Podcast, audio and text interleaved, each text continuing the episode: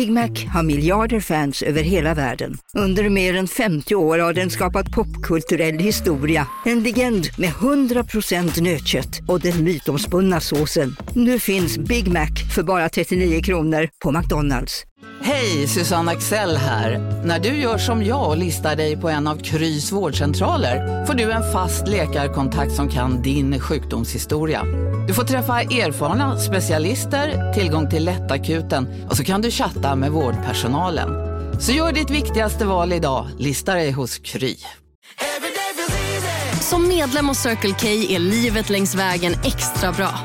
Just nu får du som ansluter dig 50 öre rabatt per liter på de tre första tankningarna och halva priset på en valfri biltvätt. Och ju mer du tankar, desto bättre rabatter får du. Välkommen till Circle K.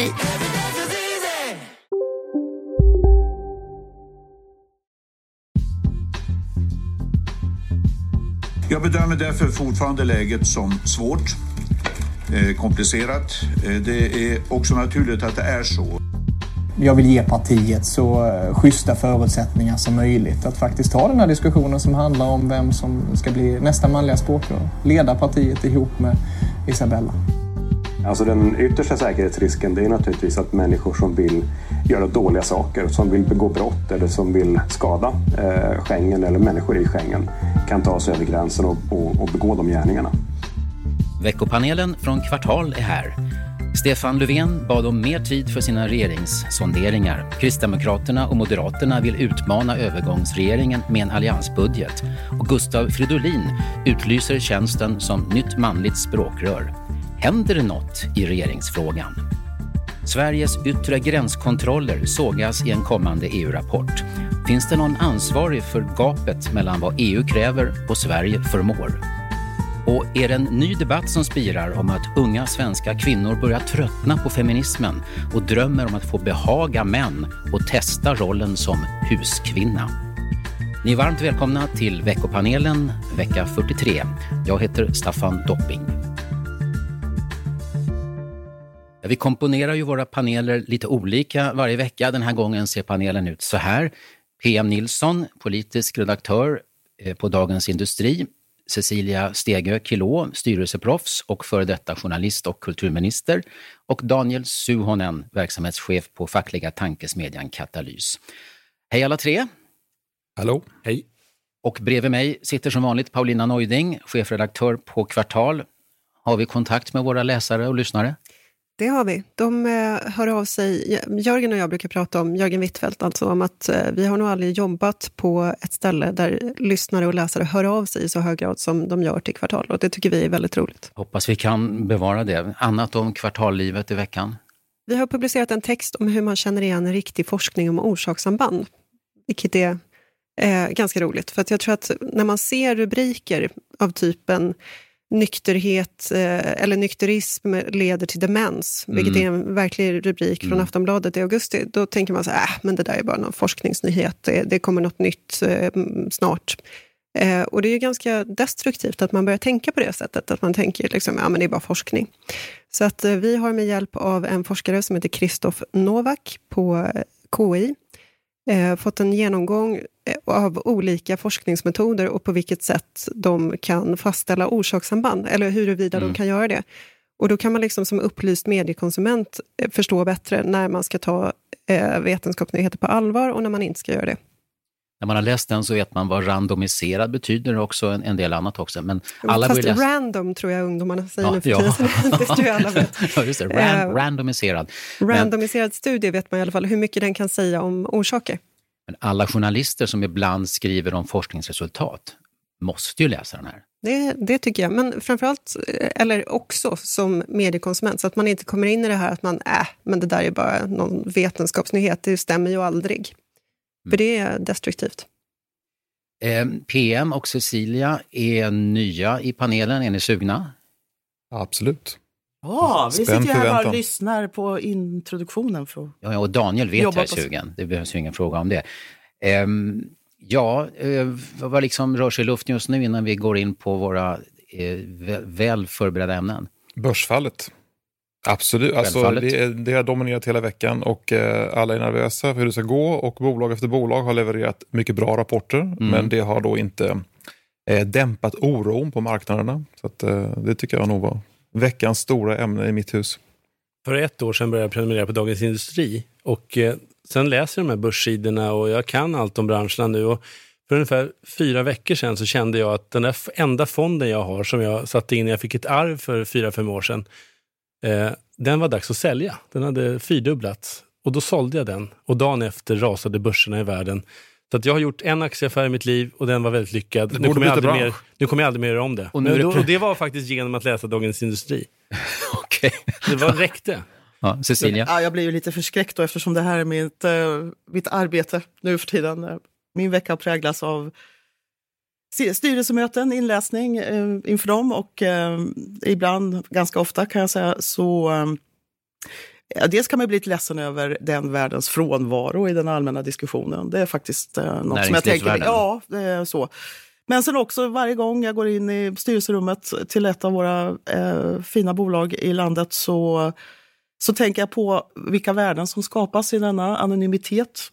Timme in, timme ut, dag in, dag ut. Allt, allt det som skapas och som sen genererar skatteintäkter som vi sen grälar om hur det ska fördelas och alltihopa. Och eh, hjältarna där ute, de eh, uppmärksammas inte speciellt mycket. Och vi som då försöker att hålla de här skutorna gående, vi kan ju också ibland undra vad finansmarknaderna håller på med. Så att jag skulle säga, Daniel, lite fördjupningsstudier med all respekt för eh, PMs fina tidning skulle jag nog ändå rekommendera om man, om man vill få lite bättre ett grepp på denna skapande del av ekonomin.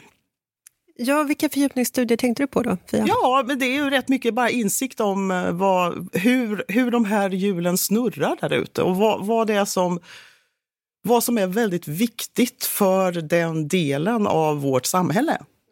Eh, till exempel så kommer vi ha ganska stora problem med försörjning av, av kompetens och kunskap. Det gör sig, det jag känner liksom väldigt tydligt till exempel vad gäller på civilingenjörssidan och alltihopa så här. Men eh, det är också så här den här ombrottstiden, vi har vant oss vid att vi har stora företag som har hållit, varit liksom så här ryggskelettet i vår ekonomi i bokstavligen hundra år. Och eh, man, kan vara man kan vara rätt förvånad över att de har överlevt så länge. Och alla inser också att det måste liksom till någon kreativ förstörelse, framförallt det kreativa tillskottet. Men, men vi sitter ju och rycker på axlarna varje gång en, en skicklig svensk har gjort en entreprenörresa, säljer sitt företag och det försvinner från landet. Det vill säga allt det som Ericsson och AGA och ABB, alltså all, alla de här stora företagen har genererat under decennier, det ser inte vi. Därför att det försvinner åt något annat håll och folk verkar inte bry sig. Sånt kan jag sitta då som gammal samhällsdebattör och hetsa över. Alltså när när min nya, eller nygamla, jag har hållit på i 25 år nu, men eh, den världen möter min, min tyckarvärld så, där, så kan jag tänka att gud vad ensam jag är. Det är väl ingen som tycker det här är kul, tyvärr. Ja. det vore väldigt kul om ni tycker det skulle vara lite kul. Nej, men, vi har ju en värdekris. Alla vill bli eh, liksom, youtubers och influencers och ingen vill liksom, bygga framtidens innovationer på riktigt, nämligen skruvar och muttrar och fabriker och maskiner. Så att jag tycker att det, om du lär dig lite om arbetarklassens behov så kan jag lära mig lite om kapitalisternas. Jag kommer från arbetarklassen, tack så mycket. Och jag vet rätt mycket om kapitalister. För min del kan jag berätta så försöker jag förtränga varje gång som jag hör ordet vintertid missbrukas när det rätteligen heter normaltid. Det, det, är ett trauma som återkommer varje år, eller ja, varje halvår kanske. Det. Jag trodde mm. du skulle börja korrigera oss på youtubers och influencers youtuberare. Eller något liknande. ja, just det. Eh, jag tror att vi är eh, mogna nu att ta oss an veckans eh, första som uppbär vissa likheter med huvudämnet i flera tidigare veckopaneler.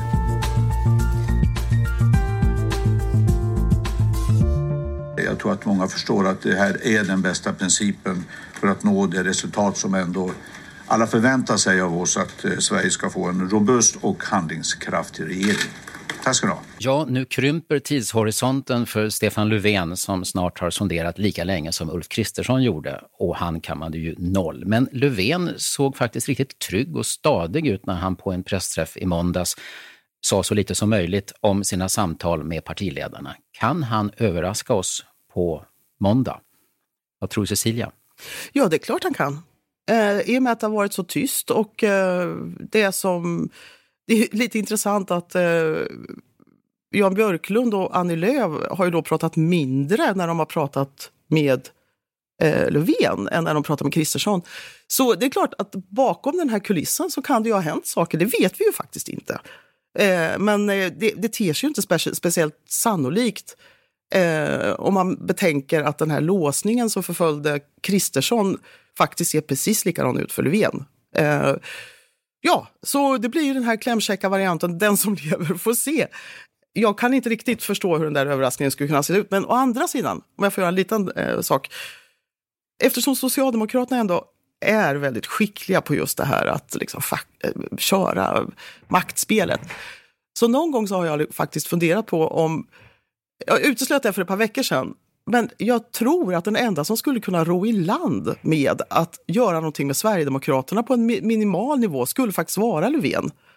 Eh, om man tänker sig att han hade plockat upp några saker som var rätt självklara, som Sverigedemokraterna vill och så säger så här, på något sätt göra en deal, prata med dem, Eh, och mm. i övrigt får ungefär som man vill och gör andra dealer. Eh, så den här typen av brett köpslående till, i, i, allianser som verkar ganska orimliga, att de ska hända på samma tid. Det finns bara ett parti i min värld som skulle kunna göra något sånt. Inte för att jag tror att det har hänt, men de skulle kunna ha gjort det. Jag tror inte att Löfven kan, vill eller kommer att på något sätt eh, under överskådlig tid göra någonting med Sverigedemokraterna. Det tror jag inte. Det jag har fått ut av mina kontakter i den där eh, sfären är att så här ungefär säger de. Det finns knutar som håller på att lösas upp. Men det kommer nog inte hända någonting nu på måndag, utan det kommer antagligen gå in i en tredje runda. Och där kommer saker hända eller en fjärde runda. Och nu pratar vi faktiskt om rundor som är någon sorts piruetter innan man tar votering i riksdagen. För vi har ju ännu inte, det här är någon sorts talmansrundor ska ju vara att man i princip då tar fram det till statsministeromröstningen i riksdagen. Men det här är ju bara förspel. Så att eh, jag tror att det händer saker i den här tystnaden. Att de inte klagar på sura, dåliga Facebookinlägg Facebook-inlägg och en lite, lite trött och bekväm statsminister som inte orkar köra hela ens ända fram till hans talmansrunda är slut, utan han lämnar över i förtid. Kristersson, så tror jag att det händer saker i borgerligheten. Det mjukas upp. Det, det är som att de har gått in liksom i någon sorts aromaterapi och liksom knutar löses upp. Och i nästa runda så kan saker, eh, avtal skrivas på. Ja, men det är väldigt svåra dilemman som eh, Liberalerna och eh, Centerpartiet har försatt sig i. De lovade sina borgerliga väljare att eh, störta Stefan Löfven och byta ledarskap. Inte stötta, va, utan störta. störta och, inte byta, och byta ledarskap Sverige. Eh, och sen så lovade man sina, vad ska man säga, kalla dem liberala väljare kanske, att inte bilda eh, en regering som är beroende av Sverigedemokraterna. Och eh, det, det där går inte ihop. Man måste göra det ena eller det andra. Och det Annie Lööf gör nu det är att skjuta det här obehagliga valet framför sig. Dag efter dag och vecka efter vecka. Därför att hon vet att det är farligt för henne att eh, eh bestämma sig för hur hon ska göra. Vi journalister då, PM. Lät vi inte de här politikerna komma undan med de här fullständigt orealistiska prognoserna före valet? Jo, Absolut. Vi, och, eh, regeringsfrågan var ju väldigt underskattad eh, under hela mandatperioden och även Spelteorier, under... och, ja, sånt ska man inte hålla ja, på med. Det var lite fult med spelteori. Och, och, och, det var ju, vi minns ju hur de där presskonferenserna var när, när frågan kom upp. För det, så, så, så var ju de centrala politikerna lite hånfulla mot det. Eh, och eh, som, som det ofta är i Sverige så rättar sig presskåren efter vad politikerna vill prata om. Det är rätt märkligt egentligen. Eh, Nja, de har jättestor makt. Särskilt de stora partierna har jättestor makt över liksom, vilken ton som sätts på en presskonferens och vilka frågor som anses eh, vettiga. Och sådär. Jo, men man skulle ibland vilja höra journalisterna totalt oberörda av att politikern säger varför att ni är så fixerade på de här frågorna ja, och ytterst, bara köra vidare. Det, det, det tycker det, jag skulle vara välgörande. Det är ytterst få faktiskt som klarar av att eh, som reporter ha den här utstämplade rollen som idioten i rummet som inte förstår liksom, vad man egentligen ska prata om.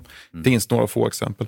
Men det vanliga är att man är väldigt artig. Så nu har vi ju den här eh, debatten om regeringsbildningarna som vi borde ha haft under valrörelsen. Men det här är ju väldigt intressant. Alltså är det någon slags social mekanism under möten mellan journalister och politiker som gör att journalister vill liksom inte verka konstiga genom att ställa frågor som politiker inte gillar? Jag, ja, men jag tror verkligen det. Eh, och jag, eh, nu, ehm, jag har bara varit suttit på den ena sidan om man säger. Eh, och, men när jag tittar på amerikanska särskilt presskonferenser. Franska förstår jag inte. Tyska presskonferenser kan jag ju fatta vad de säger. Men, men där är det ju en annan stabilitet från presskårens sida. Särskilt de amerikanska. De är ju fullständigt hänsynslösa till eh, eh presidentens liksom, agenda. De har sin egen agenda. Nej, men jag tänker att kan inte det vara en statusfråga? Alltså de här stjärnjournalisterna som leder debatter i Frankrike eller Tyskland eller USA kanske framförallt. De är ju liksom utbildade på de finaste universiteten och de sitter där i, i kostym och slips och, och dräkt med samma rätt som, som mm. politikerna själva. Så det, det är en, eh, kanske en social eh, klyfta mellan politiker och journalister i Sverige på ett sätt som det inte är i de här andra länderna. Är det, är det en möjlighet? Vad, vad säger jag, du, Fia? Jag skulle vilja börja i andra änden. Jag, alltså, jag håller ju helt med. Bra ställd fråga där, Paulina, och bra svar eh, från PM. Det var ett gigantiskt svek. Jag, jag gick till, faktiskt tillbaka häromdagen och tittade på min lilla Facebook-sida. Någonstans så har vi en stege som är uppe och ångar i hur många bar som helst eh, några veckor före valet. Just av den här anledningen, därför att det var så lätt att se att det som var några slags drömscenario för alla, det gick ju inte. Det skulle ju inte gå. Och därför kan jag känna lite grann i demokratins namn att låt oss köra det här extravalet. För skulle man göra det nu, då skulle partierna ha tvingats att visa korten. Och då är det är ju inte en spelfråga. För vad, vad handlar det här med regerings regeringsbildning om i grund och botten? Jo, det är väljarnas enda biljett till förståelse för hur partierna agerar i de situationer som inte är klarlagda än. Det, det, alltså vi vet ju att en borgerlig regering kommer att göra ungefär så här. En socialdemokratisk rödgrön kommer att göra ungefär så här. Och därför blir den viktig för oss eftersom vi inte kan ta ställning i alla frågor. Vänta ett tag då. För att jag skulle vilja säga en sak till om det här socioekonomiska med politiker och, och journalister också. Så att det där var en enorm smäll som det svenska partisystemet gav sina egna väljare. Och jag tycker det skulle vara välgörande om väljarna smällde tillbaka. Så liksom, av den anledningen, gärna eh, extraval och inte så himla mycket respekt för de här jävla turerna nu. Det här är ett apspel. Alltså det här som pågår nu i den här regerings, så kallade regeringsvagnen och myndiga människor ställer sig upp och säger att vi måste förstå, det tar tid, demokratins villkor. Det är ju inte rätt, det är ju inte sant. Det är, det är för att de har försatt sig i en galen situation och så försöker de få oss att tycka synd om dem. Sorry, gå någon annanstans. Kör det där extravalet snart, skulle jag säga.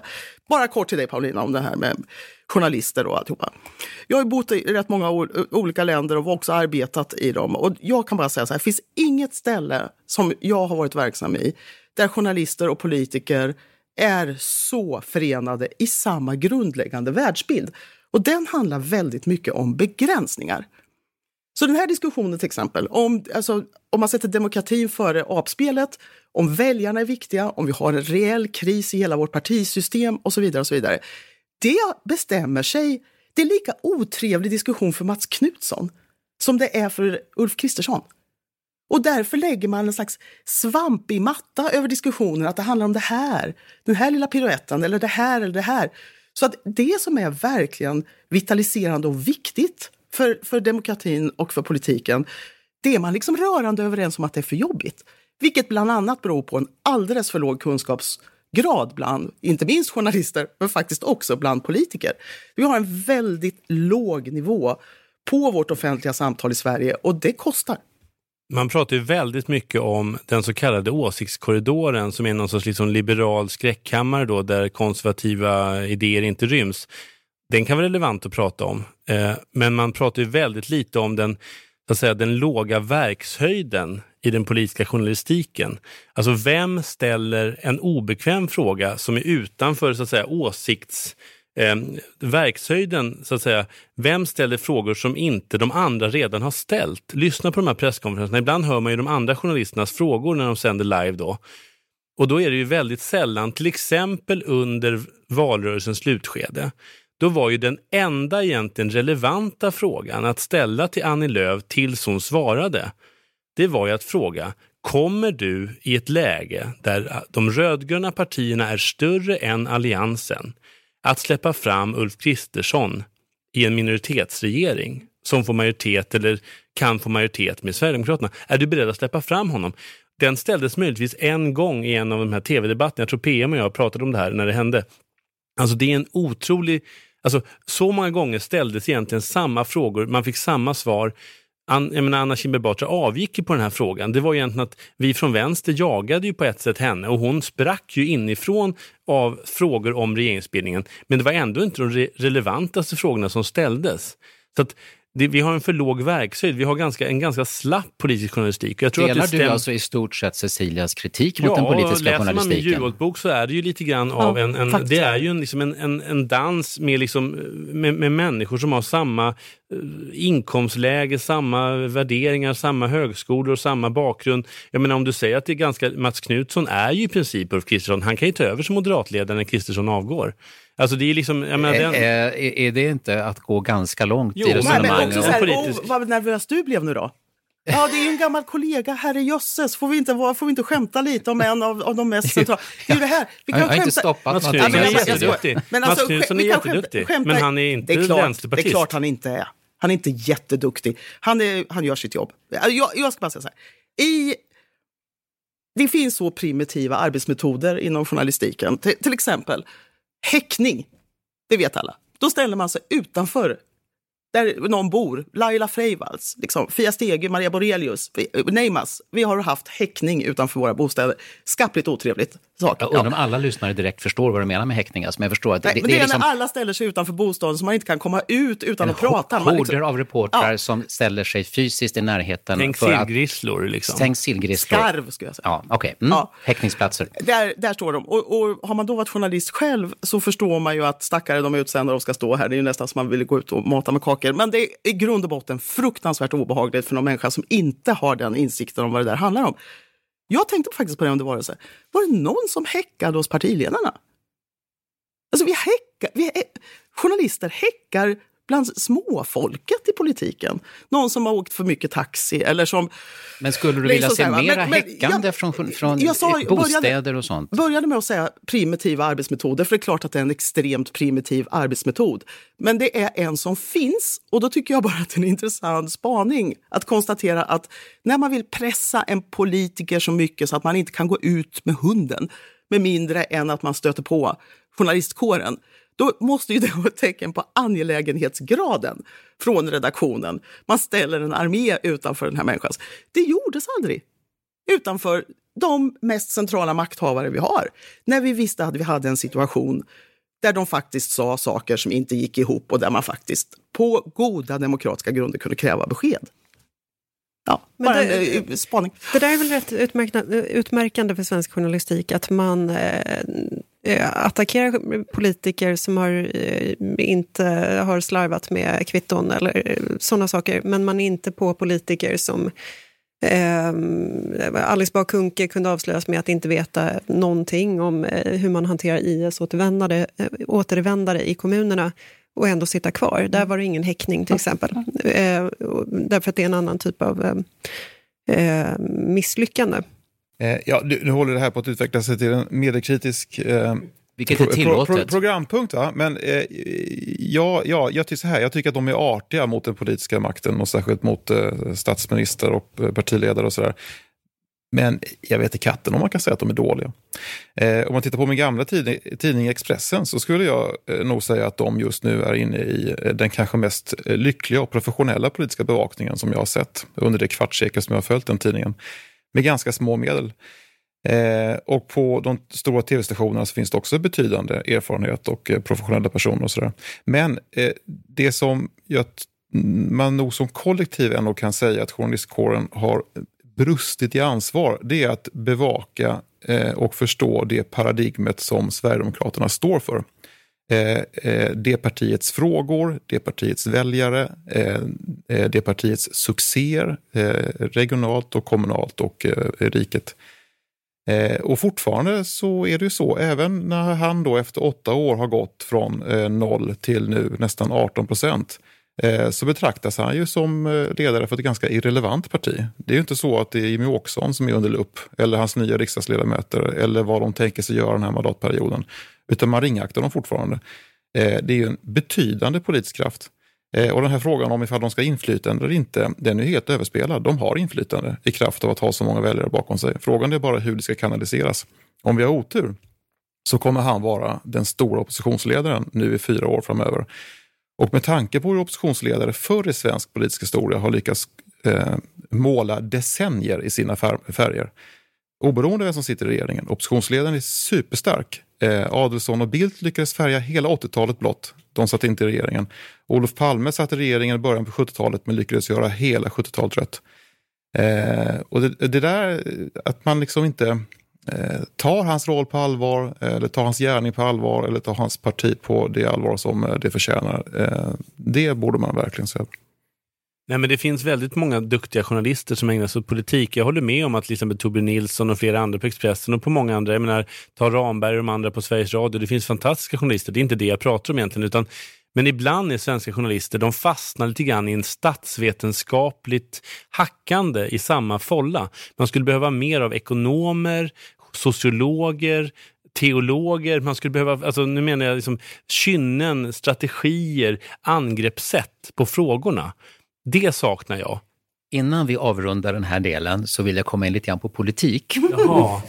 Eh, och då tänkte jag på det här med att Gustav Fridolin, då, mitt i den här politiska osäkerheten, sprider nyheten att han avgår som språkrör på kongressen i maj. Han hade ju kunnat vänta ett år med det där. Eh, inget dramatiskt alls, försäkrar Fridolin, som nu tänker bli lärare igen. Eller kan det där beskedet från Miljöpartiet och från Fridolin, kan det bli dramatiskt? Nej, inte om man räknar mandat så är det ju fortfarande så att eh, även om MP skulle hoppa över till Alliansen så kan SD förstöra alltihopa genom att rösta på en S-budget. Ja, men personen Fridolin ja. kommer då, vet med, att bli jo, utbytt. Jo, Vad kan det betyda? Ja, men det är klart att det betyder, kan betyda eh, att, eh, att Miljöpartiet återgår till eh, vad de tycker är eh, en mer oberoende roll.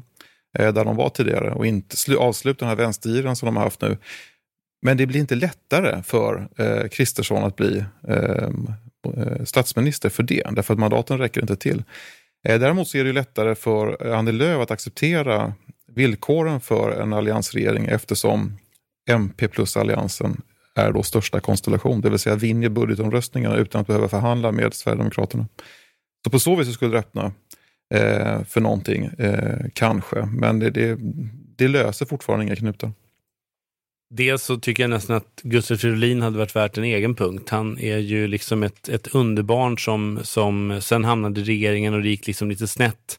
Det var någon som sa att han pikade som 13-åring och det var lite elakt sagt. Men eh, ja. alltså, man kan ju, Bolund satt jag med i kommunfullmäktige på, ja, 00-talets början. Per Bolund. Per Bolund, per Bolån som man kallas av ja. väljarna. Mm. Eh, men man kan ju också tänka sig att Miljöpartiet väljer Carl Schlüter. Och då får man någon som heter Wenström Sjöstedt eh, i sin antikapitalism. Och eh, då kan det ju bli en helt annan. Så att, jag menar, eh, man kan också tänka sig att Gustaf Fridolin i princip faktiskt med sin avgång blockar avgångskrav. Och på det sättet pacificerar en Bolån, eller Bolund, eller vad nu hette, och en Carl att de i princip blir pacificerade fram till maj då. Att de blir inriktade på sin karriär istället för att driva en regeringsfråga som Bolund säkert hade gjort på ett annat sätt. Så att jag tycker det är ganska smart drag. Om, om Fridolin är lite vänster eh, så har han just pacificerat Bolund. Och I senaste fredagsintervjun som jag gjorde i Staffanstorp med Christian Sonesson, den starke mannen där som har 43 procent av rösterna, eh, han är ju helt eh, obekymrad över att han samarbetar med Sverigedemokraterna. Nu vet vi att partiledningen har synpunkter på det. Kommer det där få några följder att han nu berättar på det här viset eh, om, om varför han tycker det är det rimliga och att alliansen dessutom är död? Kommer det få några svallvågor, tror ni, på riksplanet?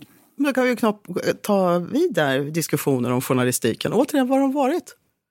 Alltså, det, är, det, det PM säger om, om ointresset för Sverigedemokraterna, det är ju bara att fortsätta. Det har funnits ett ointresse för vad som händer i, i partier som faktiskt åtminstone formellt är demokratiskt uppbyggda. Då är det intressant att höra vad tunga kommunalråd, hur, alltså hur olika delar av landet resonerar och agerar och så här.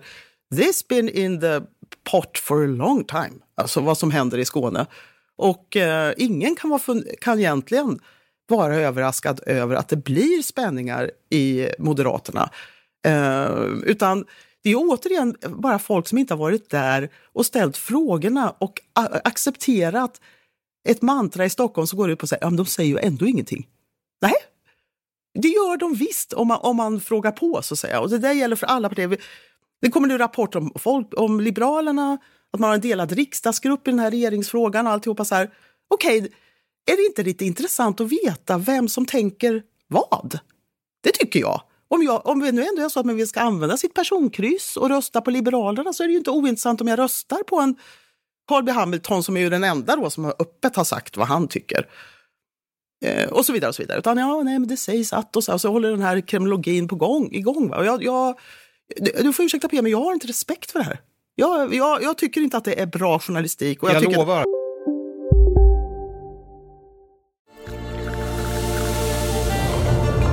Välkommen till Maccafé på utvalda McDonalds restauranger med Baristakaffe till rimligt pris. Vad sägs om en latte eller cappuccino för bara 35 kronor? Alltid gjorda av våra utbildade baristor.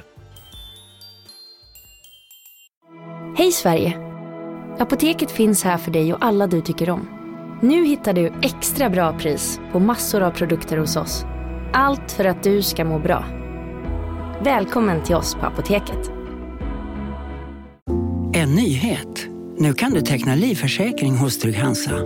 Den ger dina nära ersättning som kan användas på det sätt som hjälper bäst. En försäkring för dig och till de som älskar dig. Läs mer och teckna på trygghansa.se. Trygg Hansa. Trygghet för livet. Jag lovar Cecilia eh, att man har ringt, upp, man har ringt till varenda, men publicera eh, varenda, en. Och de, det är ju så här, de vill inte prata Nej, om detta. Och Carl B Hamilton sitter inte i riksdagen, det är Nej, därför han pratar. Ja. Eh, men det är alltså, också så här, det, okay. det, det, Däremot att intervjua Skånemoderater, det är klart man ska göra det. Och eh, Staffans fråga, ja, det som börjar i Skåne kommer sprida sig upp över landet. Socialdemokratin var någonting som drev i land på Skånes stränder för hundra år sedan och spred sig över, över landet. SD började i Skåne och spred sig över landet.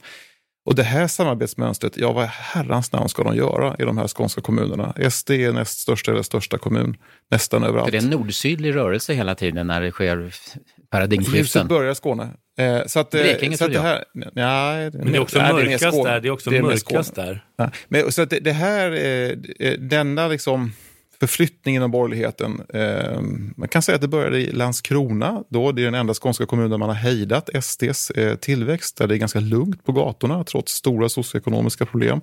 Och där L, då bekant nog, med självklarhet regerar med eh, stöd av SD sedan många år tillbaka. Så det är kommunerna det kommer hända, kan man tänka sig?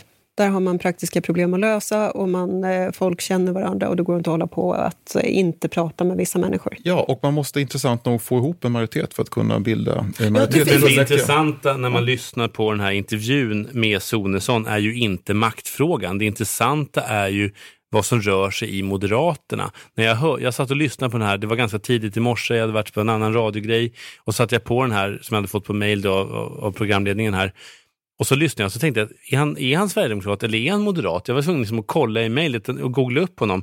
Alltså jag var häpen över, alltså Sonesson sitter där och säger att han samarbetar med Sverigedemokraterna och det är inget problem. Därför att alla partier har lik i lasten och det spelar väl ingen roll. Han likställer alltså då, jag kan förstå att han kan prata om vissa partier, men han pratar om att alla partier har lik i lasten och det spelar liksom ingen roll att det här är, kommer ur vikt makt, maktrörelsen. Han jämställer då Liberalernas historiska skuld, vad det nu skulle vara, Centerns historiska skuld, ja det är väl Skåne då.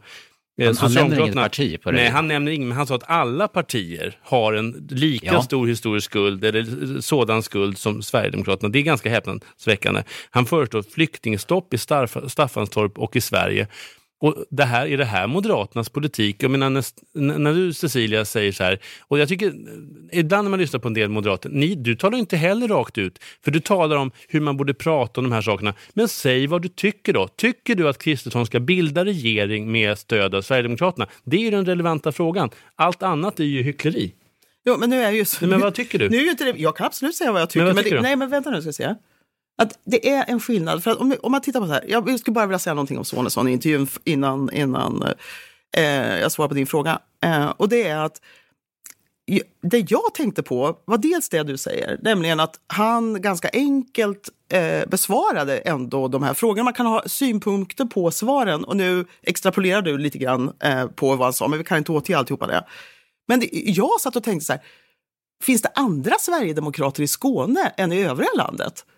För han berättar ju om att han är vän med de här på sociala medier, han följer dem, han eh, säger att han tror inte att de har särskilt obehagliga idéer. Eh, deras förslag är rimliga från en moderat utgångspunkt, från hans utgångspunkt. Och därför har samarbetet gått ganska enkelt.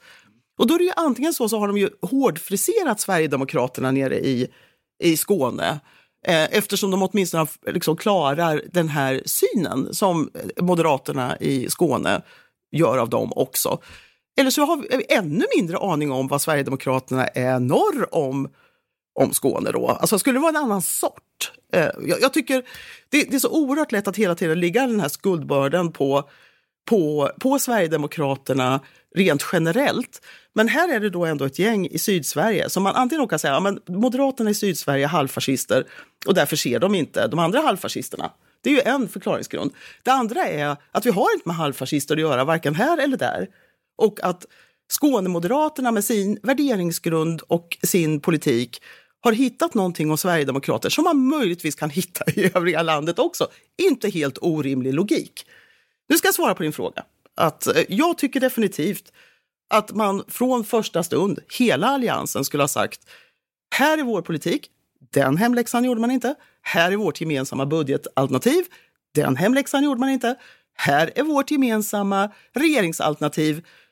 Varsågod, de som vill vara med oss, rösta på vår politik, vår budget, vår regering.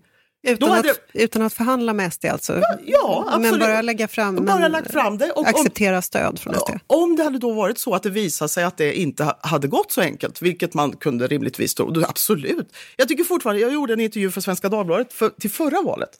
En lång, en lång intervju med Jimmy Åkesson. Jag frågade honom, jag sa, men du, alltså man är lite gammal politisk nörd. Vad kostar det då? Liksom? Vad, vad kostar det här? Uh, och han tittade på mig och sa så här, ja, ingen har förstått, vi begär inte särskilt mycket. Och om man sen då lägger på vad som hände till exempel med migrationspolitiken under den mandatperioden så hade det antagligen varit ganska enkelt för, för Anna Kinberg Batra att skaffa sig en majoritet, gjort slut med den här decemberöverenskommelsen och haft en borgerlig regeringsperiod. Så det, det är därför kanske sådana som jag tycker att det är så irriterande dåligt alltihopa. Eh, att, eh, att man liksom inte får ihop det här. Och jag tror att det enklaste sättet... Ska man förhandla då? Om det krävs att man förhandlar om ja, de här småsakerna? Ja, men det är klart man förhandlar. Ja, men då har vi klara besked. Det var ju det du inte gav tidigare. Det är jättebra. Men vadå, jag har väl ingen skyldighet att lämna något besked? Nej, men jag menar, du kritiserade andra för att de inte talar i skägget om vad de vill. Och då tycker jag att man hör ibland från moderater som säger just de sakerna. Det blir nästan som en formalitet. Att man pratar, ni pratar, ah. andra pratar om runt det. Men säg vad du vill då. Det gjorde Va, du. Det är jätteintressant. Vad är det som får dig att tro att jag är moderat? Någonting. Jag ska erkänna att jag faktiskt stirrar lite grann på klockan, vilket jag sällan gör här eftersom vi tycker om att man ska kunna tala ett punkt. Men eh, nu är det dags för nästa munsbit för panelen.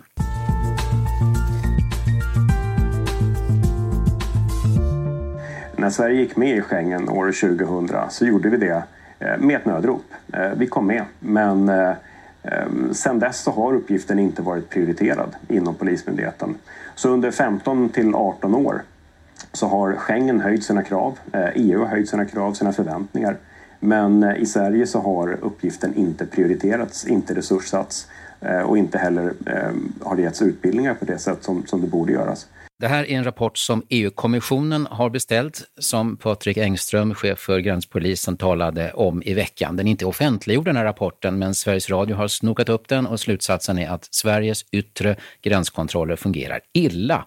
Och stora delar av den här verksamheten bryter mot EUs regler och enligt Ekot så finns de här luckorna både på strategisk och operativ nivå.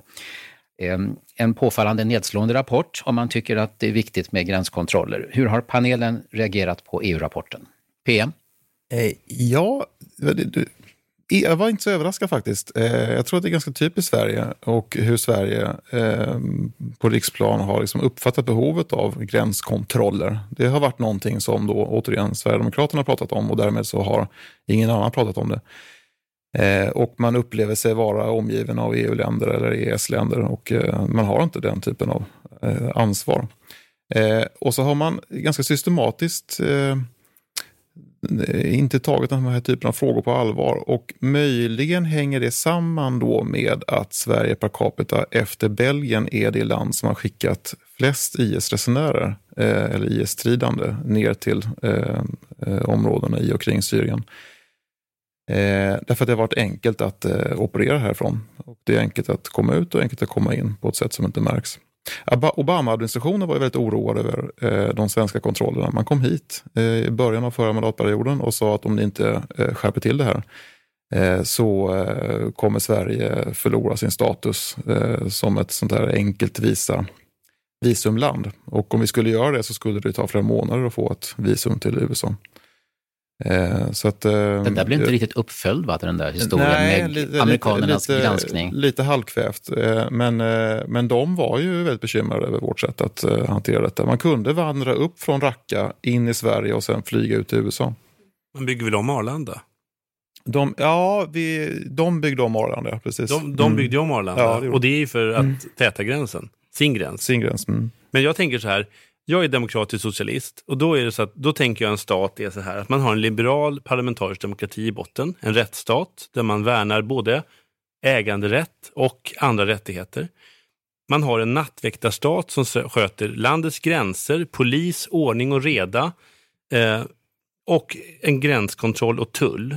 Och sen har man ovanpå det en välfärdsstat som ser till att liksom sjukvård, skola och de mjuka värden, pensioner och sånt fungerar.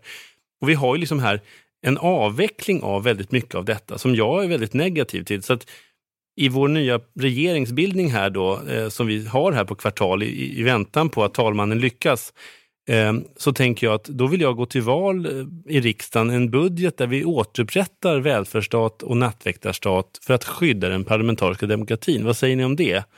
Ni på den borgerlig liberala och Steger här som är partipolitiskt oberoende. Det låter men... som en mycket försynt och vänlig socialistisk... Ja, det måste jag säga. Eh, vad kallar du för Demokratisk socialism? Jag sa inte, stor, jag sa ja. inte hur stor den där välfärdsstaten skulle vara. Nej. men det är väl en alldeles rimlig utgångspunkt. Jag, jag menar, vi ser det här, det finns till och med nationalekonomiska och statsvetenskapliga teoribildningar som visar hur enkelt det är just för demokratiska stater att eh, dränera eh, sin, sin kärnverksamhet. Så att säga. Det händer gång på gång på gång det lite spännande med Sverige här tycker jag är att vi har ju fått en, en, ganska, en ganska eh, märklig diskussion om naivitet. Men här kan jag ju känna att, att det här är ett pangområde för diskussion om naivitet. För går man in i ett område, alltså i, i Schengensamarbetet, de är ganska petiga de där EU-byråkraterna. Det, det finns liksom riktlinjer, poliser är inte att leka med. De vet hur saker och ting ska se ut, de är rutindrivna det ska finnas dokumentation, det ska gå att bockas av, det är efterkontroller. Det är så, här. så för mig är det faktiskt nästan ett helt mysterium hur Sverige har klarat detta förfall utan att det har uppmärksammats. Och det är självklart att om de nu säger att det ska ta fem år att renovera de värsta skadorna, jag börjar då med en gång. Och det, och det finns alltså ett 15 till 18-årigt gap, sa då Patrik ja, Engström, gränspolischefen, mellan ja, det är rätt imponerande. Men alltså, någonstans, vad är en nationalstat? Det är ju ett, en, en, en geografisk yta som, som på något sätt där man har yttre, där man har kontroll på gränsen och där man har ett nationellt försvar. Och sen lite till, tillägg till det. Och här pratar vi om att vi har liksom avvecklat försvaret väldigt länge och sen har vi inget yttre gränsskydd. Så att liksom, det är någonstans liksom att själva staten Sverige någonstans liksom håller på att lösas upp i kanterna. Jag tror att det är väldigt skadligt.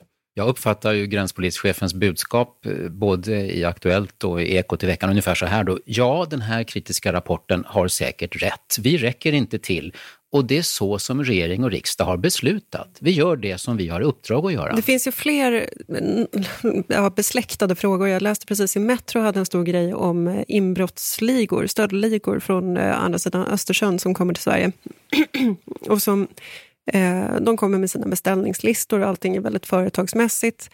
Eh, begår en massa stölder i Sverige och sen åker man ut igen. Och då är det så att tullen ägnar 98 procent av sina eh, resurser åt saker som förs in i landet och endast 2 procent åt sånt som förs ut.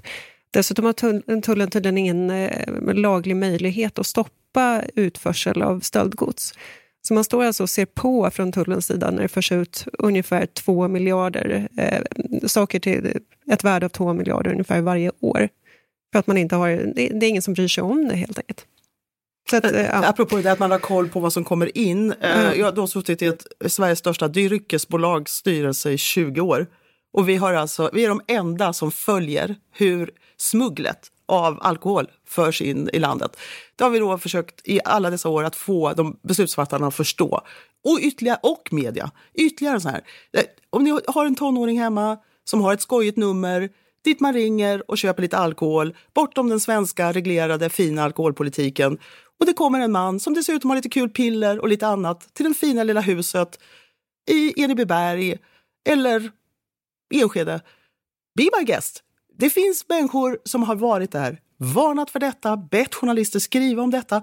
Så inte ens det som är det lätta, det vill säga alkoholen, att hantera. Då har vi inte pratat narkotika och inte utförseln som du pratar om av liksom stöldgods. Men de här spritbilarna var väl ändå någonting som var på allas näthinnor för något år sedan? Ja, men var det någon som gjorde någonting åt det? Är det någon som tror att de har försvunnit? Nej, jag bara menar att, att Nej. medierna har inte helt missat den här frågan. Ja, men nu är det inte någon nyhet längre. Så det är den här nyhetslogiken då som slår till och då finns inte samhällsproblemet.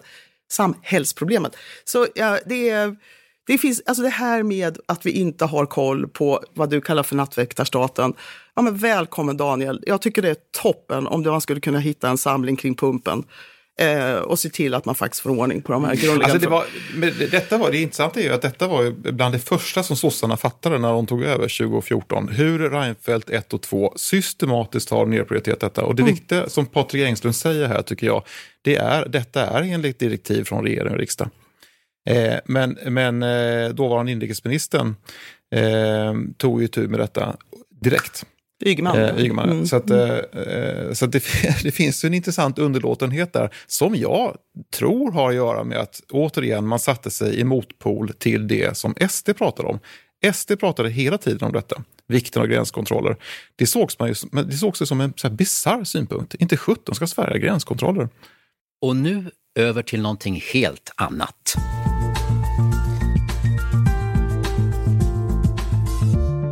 Nu tar vi oss an någonting som är lite mer diffust än gränskontroller på Arlanda och i Trelleborg, nämligen den debatt som en kulturartikel i Dagens Nyheter har genererat under veckan. I vissa sfärer ska betonas. Sannolikt har det förbegått en stor majoritet av Sveriges befolkning och kanske också kvartals läsare och publik. Men möjligen säger det här någonting om vad som försiggår lite grann under ytan. Eh, det handlar om jämställdhet, om familjeliv, om kvinnors syn på sig själva och om en möjlig längtan tillbaka till den tid då ordet feminism knappast användes, möjligen ordet kvinnosak. Vad säger panelen om Greta Thurfjells text i Dagens Nyheter Kultur med rubriken Huskvinnans återkomst och konservatismens förbjudna lockelse? Jo, eh, jag har funderat länge på det här och det är så svårt att tolka texter. Men denna Greta är då 24 år och om man föreställer sig vilken värld som hon då arbetar i och framförallt har jobbat sig upp igenom så är det ju ett mycket bestämt matriarkat nu för tiden. Det senaste jag såg från högskolevärlden var att eh, det var 70 procent av examina från universitet och högskolor som nu tas ut av kvinnor. Och utbildningssiffrorna för pojkar och unga män har ju varit katastrofala under lång, lång, lång tid. Och det där märks i yrkeskohort efter yrkeskohort efter yrkeskohort. När man tittar på tv och eh, ser intervjuer av åklagare nu för tiden så är det hundraprocentigt kvinnor. Och så är det i alla andra de här professionella yrkena. Så att om man gör karriär eh, och är en professionell eh, ung kvinna idag så umgås man bara med kvinnor och jobbar bara med kvinnor. Och då är det här möjligen Eh, ett rop på att eh, männen måste för 17 komma in någonstans och hjälpa till. Eh, och sen så drömmer hon om, eh, om möjligheten att ta en paus från den här karusellen och eh, vara hemma ett tag, kanske. Eh, men, men det är ju det är ju, det är ju ja, motreaktion, men det är också ett slags rop på en normalisering av en eh, situation som, som är väldigt, väldigt speciell. Det var svårt att tolka Turfjelds text, sa men är det någon som kan hjälpa till för våra lyssnare att kort referera vad, vad som är budskapet? Jag tänkte hjälpa till att tolka. Ja. Eh, ska vi vänta på ett referat först? nej, förlåt. Tolk, Okej, okay, jag, men, jag menar med det Jens. Eh, nej, men jag tycker att det som Greta Thurfjell skriver, det, det, är lite rörigt. Men en sak som hon tar fasta på, det är ju en global eh, debatt om huruvida kvinnor mest ska vara hemma eller mest ska jobba när de väl har fått barn. Och I Sverige så tycker vi att den debatten inte finns, därför att vi har ju löst allting så bra genom att kvinnor jobbar heltid, idealiskt. Eh, men i resten av världen, även i Europa, så är det en ganska stor sak. Ska man, ska man stressa ihjäl sig genom att vara både mamma och karriärmänniska eller ska man, ska man helt enkelt vara hemma och fokusera på familj och barn? Och det finns fördelar med båda, eh, båda livsval och de båda brukar bli ganska kontroversiella. Men det där är intressant, därför att det vanliga svenska knepet eh, har ju varit då sedan ett kvarts sekel tillbaka att man jobbar i offentlig sektor och sen så är man mammaledig jättelänge och sen så går man ner på deltid. Det är så den svenska kvinnan har löst det här italienska dilemmat. Mm. Och i takt med att utbildningsmönstren ser ut som de gör så går ju inte det. Därför att det är kvinnorna som har de här chefsjobben på alla laboratorier, och åklagarämbeten och stora medieredaktioner och sådär. Och då kan man inte ta eh, deltidsjobb eh, på samma Men sätt som tidigare. Så så- ekvationen funkar inte. Exakt, och sen så går man där och så har man kortisol som sprutar ut genom öronen och, och mår dåligt och sjukskriver sig därför att man klarar inte av att vara både den förälder och fru man vill vara och den yrkesperson man vill vara. Och det är liksom det är väl helt självklart att de sakerna är väldigt svåra att kombinera. Nu tittar jag på dig Fia som är både Ja, som mamma, mamma och karriärmänniska. Ja, eh, och eh, här finns det några riktigt skojiga historier som ingen riktigt har kommit på. Men jag, jag måste börja med när jag läser de här, eh, den här artikeln och eh, inte minst reaktionerna, kommentarerna och så. Jag har haft rätt många unga kvinnor som adepter under genom åren. Och jag tror faktiskt att det bästa jag gjort till dem, det, är, det har varit mitt ointresse för det här. Eh, för jag har sagt så här, men vänta nu, vem är det som måste godkänna dig? För all den här diskussionen handlar om vi. Som, eh, någon gång i någon artikel på Svenska Dagbladets ledarsida på 80-talet skrev jag att det enda manliga privilegiet som återstår, det är att få vara sig själv. Att få vara individualistisk. Det var på 80-talet verkligen en stark känsla bland unga kvinnor. Att grabbar och och unga män och män kunde göra lite som de ville. Och de var rätt fräcka, liksom, skoja om de var lite aparta och gjorde märkliga saker. Men kvinnor skulle liksom in i något mönster. Det, alltså, det var ett manligt privilegium att få vara, få vara sig själv. Och det där har jag hållit på och hamrat med de här, de här stackars adepterna. Acceptera inte det. Gör din grej. Och så jag blir lite deppig när jag läser såna här artiklar, för det indikerar att det är så där att man måste få någons godkännande för att vara lite hemmamamma om man nu vill vara det. Eller skaffa en man som tycker det är toppen att städa och, ha, och ta hand om barnen så man kan rusa i karriären själv. Eller Ja, ja, när svarta barnflickor går inte längre nu då. Det är liksom, men, men man hittar på någon lösning. Alltså, gör det då. Alltså, hitta på din lösning och lev ditt liv. Det är lite sådär, alltså, jag blir lite trött på det här letandet efter någon slags kollektiv bekräftelse. Liksom. Även hos de här nykonservativa kvinnorna då. Vill ni vara hemma, gör det. Daniel, först, först, förstår du Daniel vad huskvinna står för här? Ja, absolut. Jag uppfattade ganska lite om barn och det här vanliga livspusseldiskussionen som det låter som att det, det handlade om här. Det var ganska lite det. Det var, var ju mer detta att, att eh, bland unga kvinnor då så finns det någonting i att få vara liksom avslappnade med män. Och att det finns en väldig, det finns en väldig energi som jag uppfattar att, att, att unga feminister, unga kvinnor som vill, vill ta en plats och som vill eh, ta sin rättmätiga plats under väldigt lång, många decennier har använt väldigt mycket energi åt att ta den platsen och bli likvärdig. Och det Greta Thurfjell här då liksom tecknar den här, i den här texten som är väldigt välskriven och fin, som jag tyckte var väldigt intressant att läsa, det är liksom någonstans att det finns ett, liksom ett ganska skönt läge av nästan att man kan luta sig tillbaka och bara lyssna på de här männen som pratar om sina saker, att man får vara lite mysig, komma med någon lite ironisk stickfråga, vara lite liksom, att liksom luta sig tillbaka till någon sorts väldigt traditionell eller halvtraditionell kvinnlighet och att hon, liksom, hon, hon kan liksom leka med den rollen.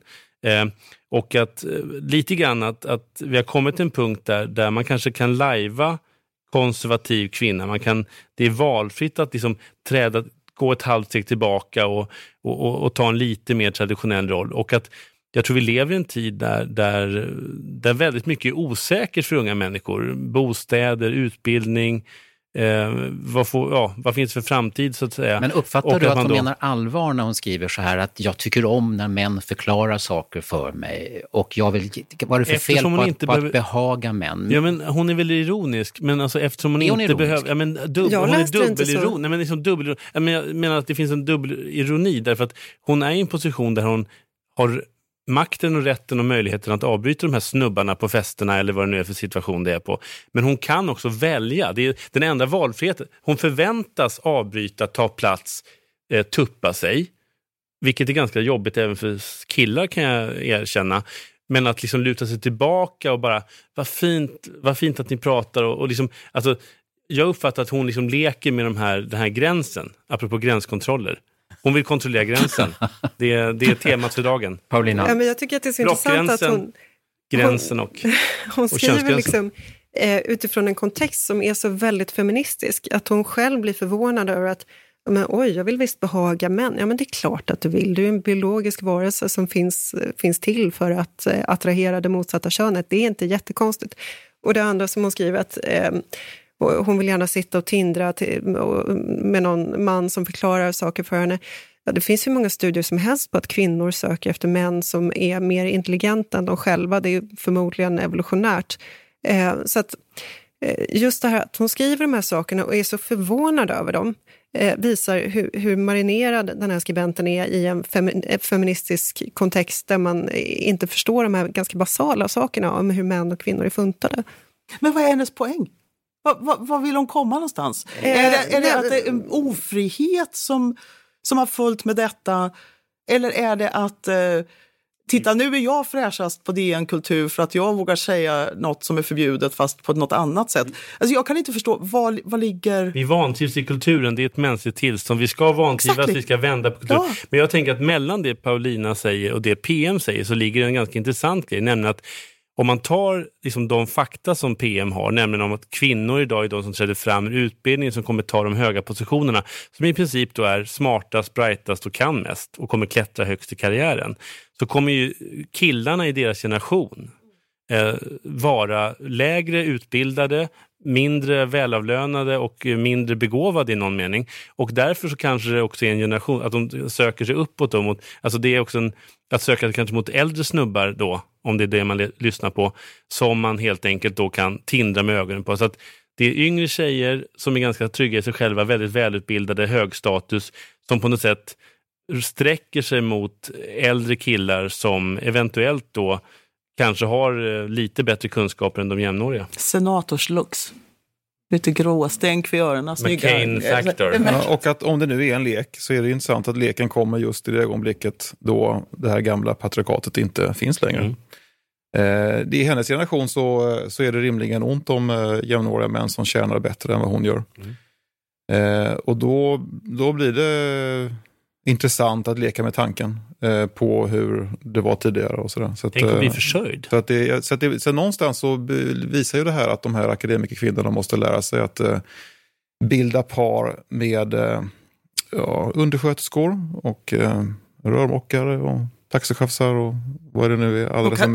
Och det kommer skapa... Kanske kan lära dem lite något om livet. Jag, jag tycker att det är... eh, Nej, men någon, måste- nej, men måste här, någon som tjänar mindre och Ja. någon som inte har hu huvudansvar för familjens försörjning. Det är det som är den stora förtvivlan. Alltså det, har varit en, det har varit en strypsnara av Guds nåde för männen att ha den rollen. Att vara i värsta fall ensamförsörjare.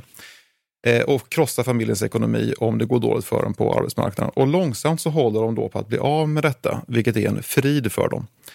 Eh, eh, och kvinnorna är på väg in i det. Och den stressen som männen alltid har känt för detta och alla dessa hjärtinfarkter och stresssjukdomar som kommer, eh, ser de komma, tror jag. Eh, och eh, då leker de med tanken på att en annan värld är möjlig. Ja, Tror det, jag. nej, eller vad, vad som egentligen säger är ju så här, förlåt, vi ångrar oss nog lite. Vi kanske, vi kanske, kan, vi kanske kan få backa tillbaka eller åtminstone ta det bästa av världar. Och jag, jag tycker det finns ett enormt behov av såna här väx upp injektioner i de här sakerna. För det är klart att männen aldrig varit ensamma, i alla fall inte de senaste 50 åren.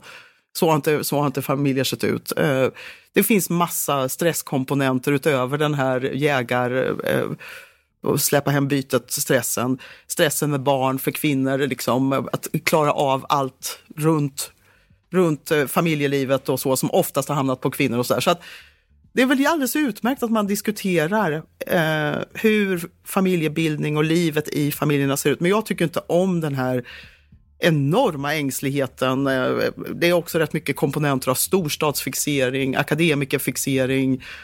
Vi vi hade vi haft tid hade man kunnat ta massa andra intressanta trender för oss som har en fot utanför storstaden. Hur det ser ut liksom i livsval och vad, vad människor gör för att faktiskt hitta bättre och meningsfullare liv. Så, här. så att, eh, jag, jag, jag vet inte, jag tycker det här var lite överspänt alltihopa. Men, men kanske lite spännande för en del. Ängsliga försöker vi att låta bli att vara i kvartal. Eh, tack så mycket panelen. PM Nilsson, Dagens Industri, Cecilia Stegö, styrelseproffs och med en, en, en gång i tiden i alla fall bakgrund i Moderaterna. Mm. Det, det, det, det, är inte preskriberat att säga. Eh, och Daniel Suhonen, Katalys och Paulina Neuding i Kvartal. Eh, vilken panel! Jag är, jag är svettig. Är vi borta nu? Nej, jag tänker på om de ville säga något avrundande. Oh, nu ska jag hem och göra ledarsidorna för helgen och måndagen. Och, ja, just, det. Ja, just det. Och, och, ja, ska jag ska koka bœuf bourguignon. Wow! Och, jag och basta. Borgerligt. Jag ska försöka få... Väldigt proletärt. Jag skulle försöka få en inbjudan till Daniel till biffen. Jag tar med till nästa panel. En liten låda. Ja, glöm inte att titta in på kvartal.se och se de artiklar och essäer som finns där och så kanske också fredagsintervjun med Christian Sonesson och de tidigare Lise Tam och många andra som ni kan hitta där. Vi hörs igen. Tack för idag.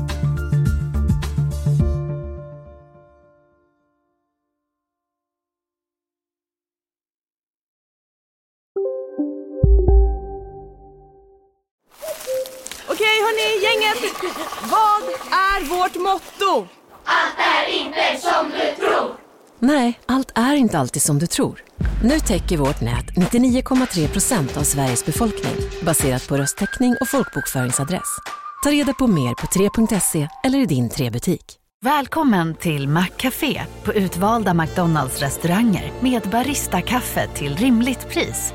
Vad sägs om en latte eller cappuccino för bara 35 kronor? Alltid gjorda av våra utbildade baristor. Hej, Synoptik här. Livet med glasögon ska vara bekymmersfritt. Därför får du 30% på alla glasögon när du väljer Synoptik All Inclusive. All service ingår alltid. Välkommen till Synoptik.